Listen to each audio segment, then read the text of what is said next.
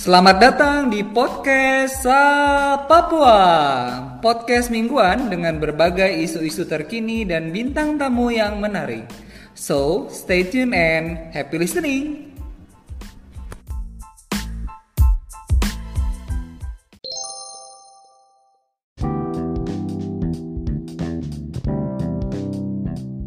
Diskusi ini terselenggara sebagai rangkaian minggu kampanye COVID-19 dukungan dari pemerintah Papua dan Mitra Pembangunan UNICEF Gapai YP2KP Dr. Syah. Baiklah, di edisi kali ini bersama saya Husni, kita sudah kedatangan bintang tamu, sobat muda yang kreatif dan saya yakin juga bakalan bisa menginspirasi sobat-sobat muda Papua lainnya dalam berkarya. Langsung saja saya, per saya perkenalkan founder Anone Papua, Jill Marau. Oke, selamat siang Jill. Selamat siang. Oke, gimana keadaannya hari ini? Baik-baik, Oke, sehat-sehat. tetap semangat ya. Iya, apa kabar juga?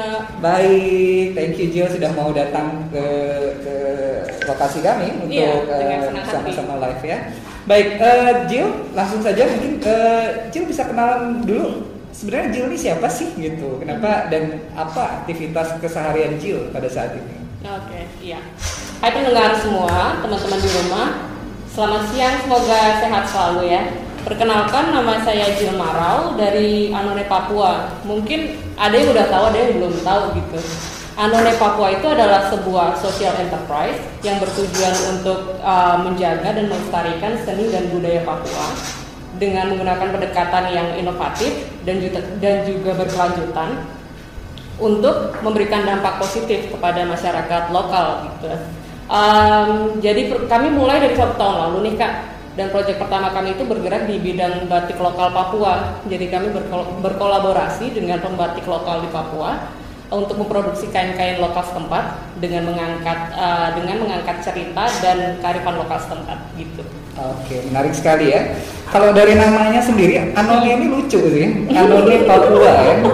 Waktu pertama kali saya dengar Anone, saya kira ini ada hubungannya dengan kontes kecantikan ya. Papua atau apa ya.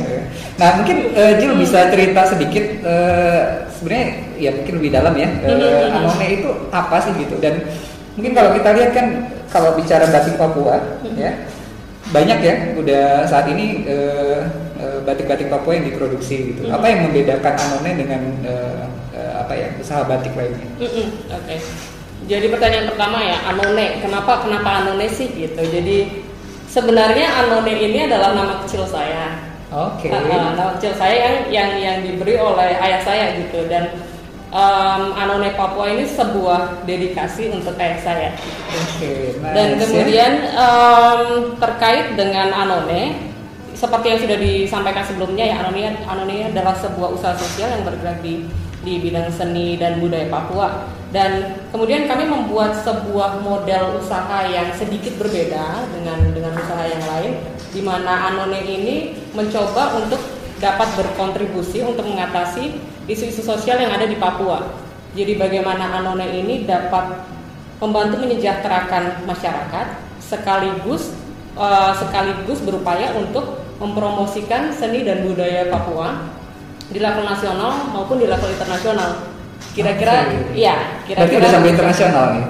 menuju tetapi Baik. karena semasa di rumah aja tetap harus kreatif ya kak ya gitu. Boleh nambahin satu lagi ya kak ya? Oh sure. Jadi selain selain isu sosial, kami juga berfokus di isu lingkungan atau atau krisis iklim yang yang terus terjadi sampai saat ini. Yang kami lakukan adalah di setiap produksi kami, kami berusaha untuk menggunakan bahan-bahan yang ramah lingkungan, yang kemudian em, dapat terurai dan juga reusable begitu. Dan juga kami mengganti pewarnaan kami. Kalau dulu kami masih pakai pewarnaan sintetis, sekarang kami mulai beralih ke pewarna alam dari tumbuh-tumbuhan supaya lebih ramah lingkungan. Oke. Susah nggak sih dapat bahannya yang kayak gitu? Eh, susah-susah gampang kak. Ada beberapa warna yang kemudian memang mudah mudah di didapat ya. Seperti yang kayak saya pakai ini dari pewarna indigo. Dia warna Oke. biru itu em, daun-daun gitu sih kak. Difermentasi dan diproses sekian eh, sekian rupa, kemudian bisa menghasilkan warna biru dan mudah didapat kalau yang warna biru. Nah, Oke, mungkin bagi eh, sobat muda yang kalau bisa ngelihat Jill ya, lovely ya, bajunya bagus sekali ya, dan ini Sekalian memang produksi lokal dari Anone Papua. Oke, Oke, eh, mungkin sedikit lagi pertanyaan tentang Anone. Kira-kira latar belakangnya apa sih sampai eh, Jill eh, tiba-tiba eh, punya ide kreatif dan tergerak untuk eh, apa ya bikin Anone Papua? Mm-mm. Jadi menurut eh, menurut saya sih kak sebuah ide itu berawal dari sebuah masalah. Jadi proyek pertama kami itu yang dimulai dari tahun lalu yang saya sudah sebutkan sebelumnya di eh, batik Papua ini berawal dari kepedulian kami akan redupnya pembatik lokal Papua akibat dari batik motif Papua yang diproduksi di luar Papua kemudian dipasarkan kembali ke Papua. Sehingga pembatik lokal di sini tuh eh, tidak cukup mampu untuk bersaing di pasaran. Jadi banyak mereka yang tidak produktif juga banyak yang kehilangan pekerjaan. Nah di situ kami melihat kami terdorong untuk membuat sebuah wadah untuk pembatik ini kemudian dapat produktif kembali gitu kak. Em, dan setelah setelah setelah kemudian pembatik ini produktif dan memproduksi memproduksi kain-kain batik motif Papua yang lokal, Anoni kemudian berperan menjadi jembatan untuk eh, mempromosikan produk tersebut melalui website kami dan juga melalui e-commerce. E-commerce ya, oke. Iya. Eh, E-commerce itu eh, kayak gimana? Mungkin bisa dijelasin? Apa lewat media sosial atau apa? Iya, jadi kami selain selain melakukan penjualan melalui website uh, www.anonepapua.com, kami juga melalui ada Instagram, Facebook, Tokopedia dan Shopee.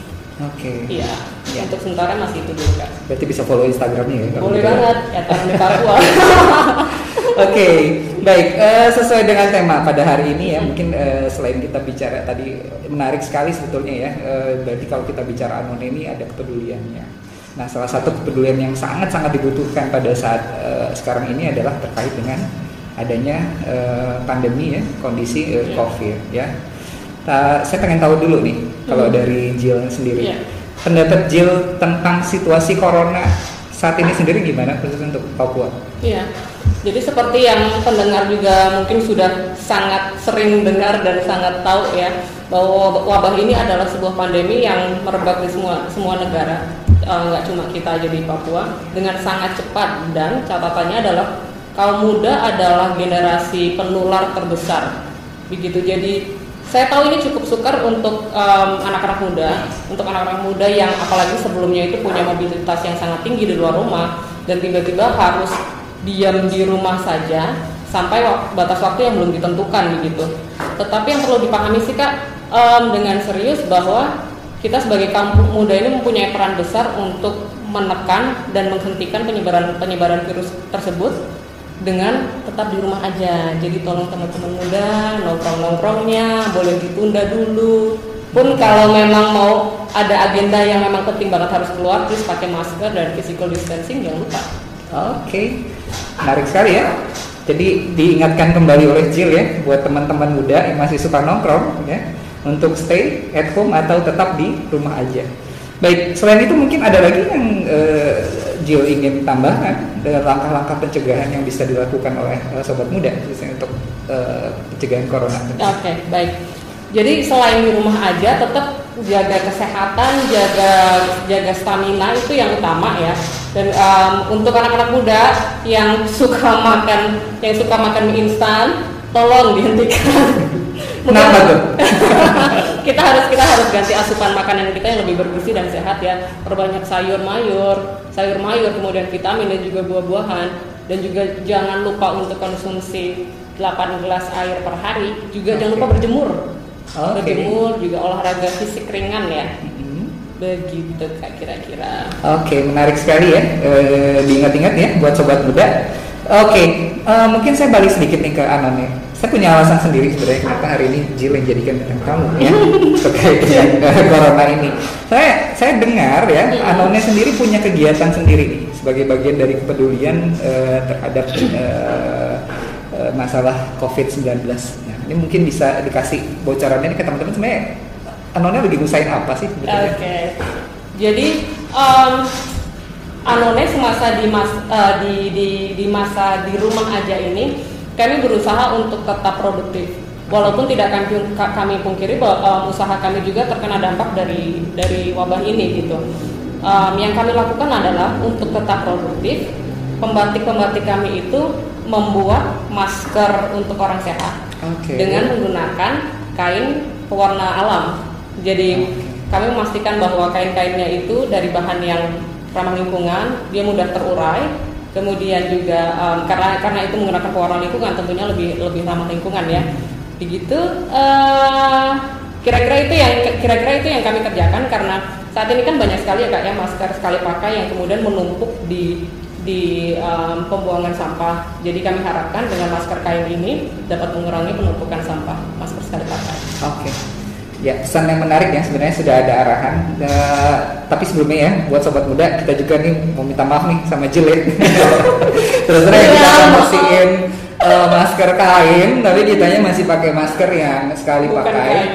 Tidak ada maksud tetap kami sebenarnya tadi inginnya pakai masker yang kain, memang kebetulan uh, di sini masih ada sisa beberapa dan uh, ketinggalan tadi. Iya. Kayak gitu. Oke okay, ya, tapi anjurannya ingat orang sehat pakai masker, masker kain. kain saja. Yang petugas kesehatan atau orang sakit iya. yang pakai masker yang medis atau iya, bedah ya, seperti itu. Oke, okay, thanks. Uh, baik, kita mungkin uh, lanjut lagi nih Ajil ya. Uh, udah mulai menarik nih. Uh, kalau bicara corona, tadi kan Jill udah nyebut-nyebut nih ya, stay at home di rumah aja. Udah berapa lama di rumah aja? Ya ampun, hampir sebulan ya. Masih ada keluar rumah? Kenapa? Masih ada keluar rumah nggak sekali sekali? Kalau penting, kalau penting sih baru keluar sih. Kalau penting. Iya. Ya, oke. Okay. Uh, eh, kalau mau keluar rumah biasanya apa yang harus dilakukan uh, oleh Jill biasanya? Tetap kalau keluar rumah itu masker nggak boleh ketinggalan ya. Ah Uh, kemudian um, memang physical distancing itu yang yang tetap harus diperhatikan karena kalaupun kita mau beli stok makan masuk ke supermarket kan tetap ada rame itu ya. Iya, tapi sih ya biasanya iya, bayar gitu iya. Ya. Tapi siputnya sih kalau di beberapa di beberapa market di Papua sini udah udah menerapkan itu kan. Jadi itu sangat sangat membantu banget itu dan jangan jangan lupa untuk sering-sering cuci tangan banget sih. Sering cuci tangan iya. ya. Hand sanitizer? Iya, jadi hand sanitizer ada, cuci tangan ya. Okay. Cuma sih kalau kalau saya lebih nyaman cuci tangan kali ya daripada pakai hand sanitizer. Uh, ada alasan apa kira-kira? Karena kalau karena terlalu sering pakai hand sanitizer, um, apa namanya telapak tangan saya jadi kayak kering dan dan perih gitu sih. Jadi lebih mengingatkan diri untuk lebih rajin cuci tangan. Gitu. Terus ditambah juga sekarang makin susah ya nyarinya ya. Benar. Pelanggan okay. Baik, tadi kan katanya bosen ya. Kadang-kadang pasti lah ya satu bulan di rumah gitu kan. Mm-hmm. Ada bosennya gitu ya. Iya. Kalau dari Jill sendiri bisa sharing nih sama teman-temannya. Mm-hmm. Uh, aktivitasnya kalau harus stay at home mungkin uh, apa yang dilakukan kemudian kalau ada kreativitas-kreativitas tertentu yang bisa di uh, share pada sobat-sobat muda Papua mungkin iya jadi menurut saya ini anak muda itu kan lekat dengan inovasi, ide dan kreativitas gitu. Jadi selalu ada potensi-potensi menarik di dalam diri yang dapat diasah, yang dapat dieksplor lebih ya asalkan kita mau untuk terus gerak gitu. Dan di masa di rumah aja ini sebenarnya banyak banget hal yang bisa dilakukan gitu untuk tetap untuk tetap produktif ya seperti contohnya sih kak yang saya tahu dan saya lagi ngulik banyak banyak beberapa uh, beberapa universitas ternama di luar negeri itu lagi buka free online course di berbagai okay. macam bidang gitu. Jadi untuk anak-anak muda yang yang lagi pengen explore bidang-bidang tertentu yang dia belum pernah explore sebelumnya.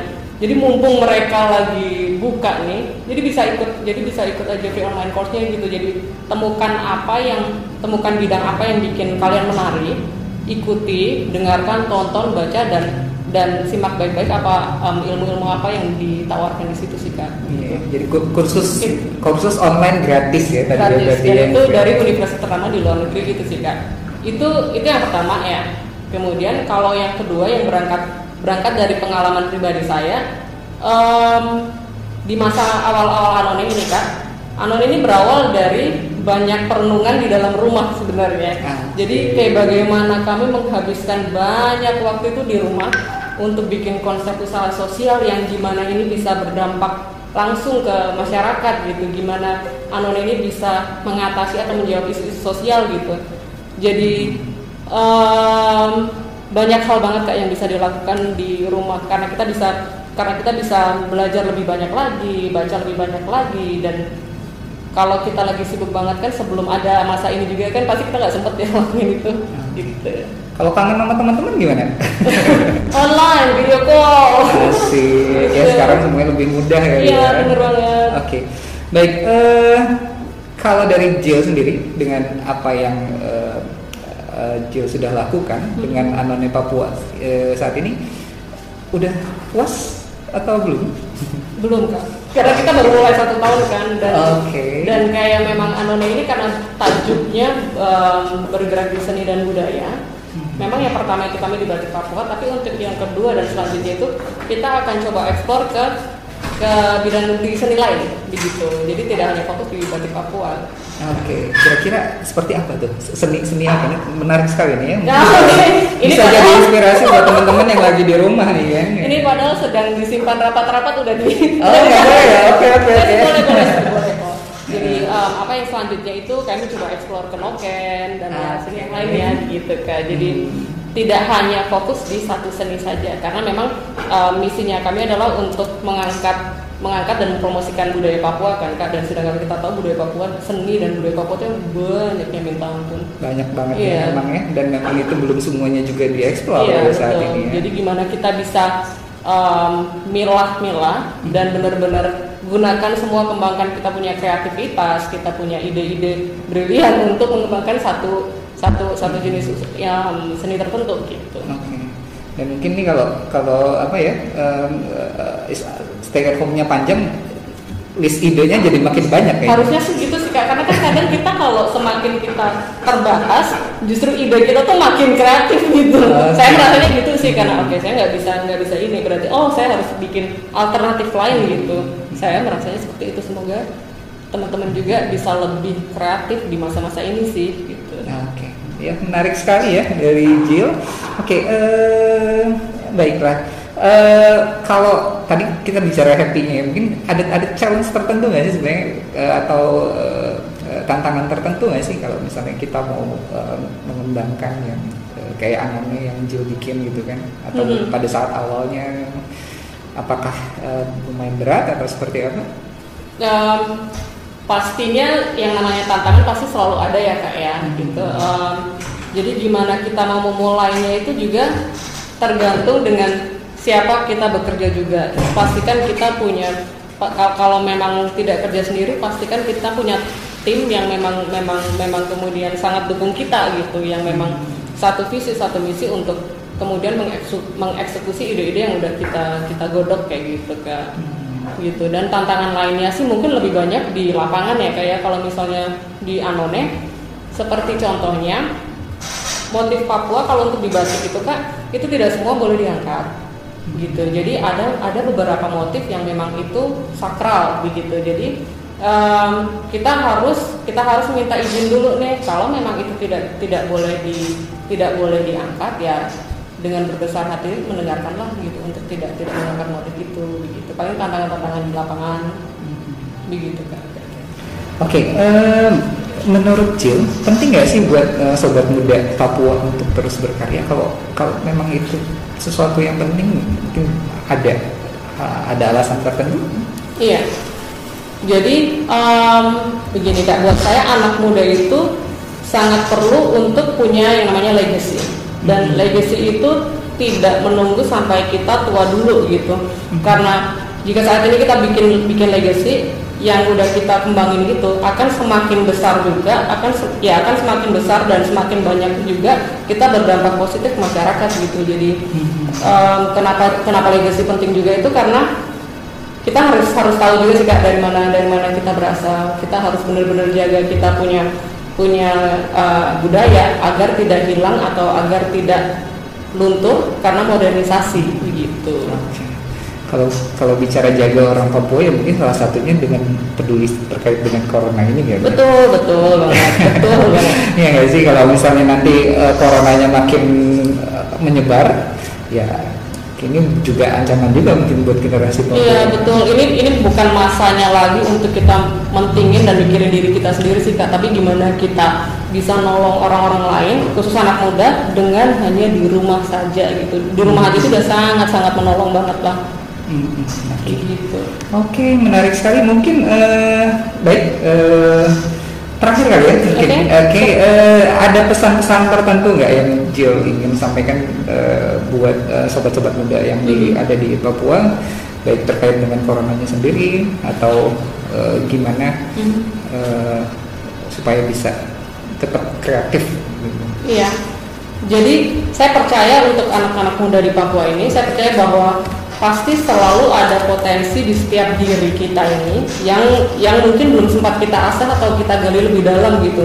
Karena mungkin yang sebelumnya sebelum masa sebelum masa karantina ini kita terlalu sibuk, kita tidak punya waktu gitu untuk untuk um, explore diri kita lebih lagi gitu. Dan ayo sama-sama di masa di rumah aja ini kita punya um, kita kembangkan ide dan kreativitas kita untuk terus gerak dan menciptakan sebuah karya gitu di bidang apa pun di, di bidang apa pun yang yang teman-teman minati gitu dan juga jangan lupa jaga kesehatan, kesehatan dan please anak-anak muda tetap di rumah aja.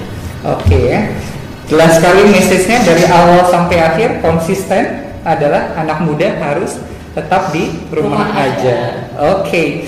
Baiklah eh, itu mungkin ya eh, sesi diskusi eh, singkat eh, kita dengan Jill, founder dari Anone Papua. Jangan bosan ya Jill ya. Mungkin kapan-kapan kita bikin dialog lagi. Iya, dengan senang hati.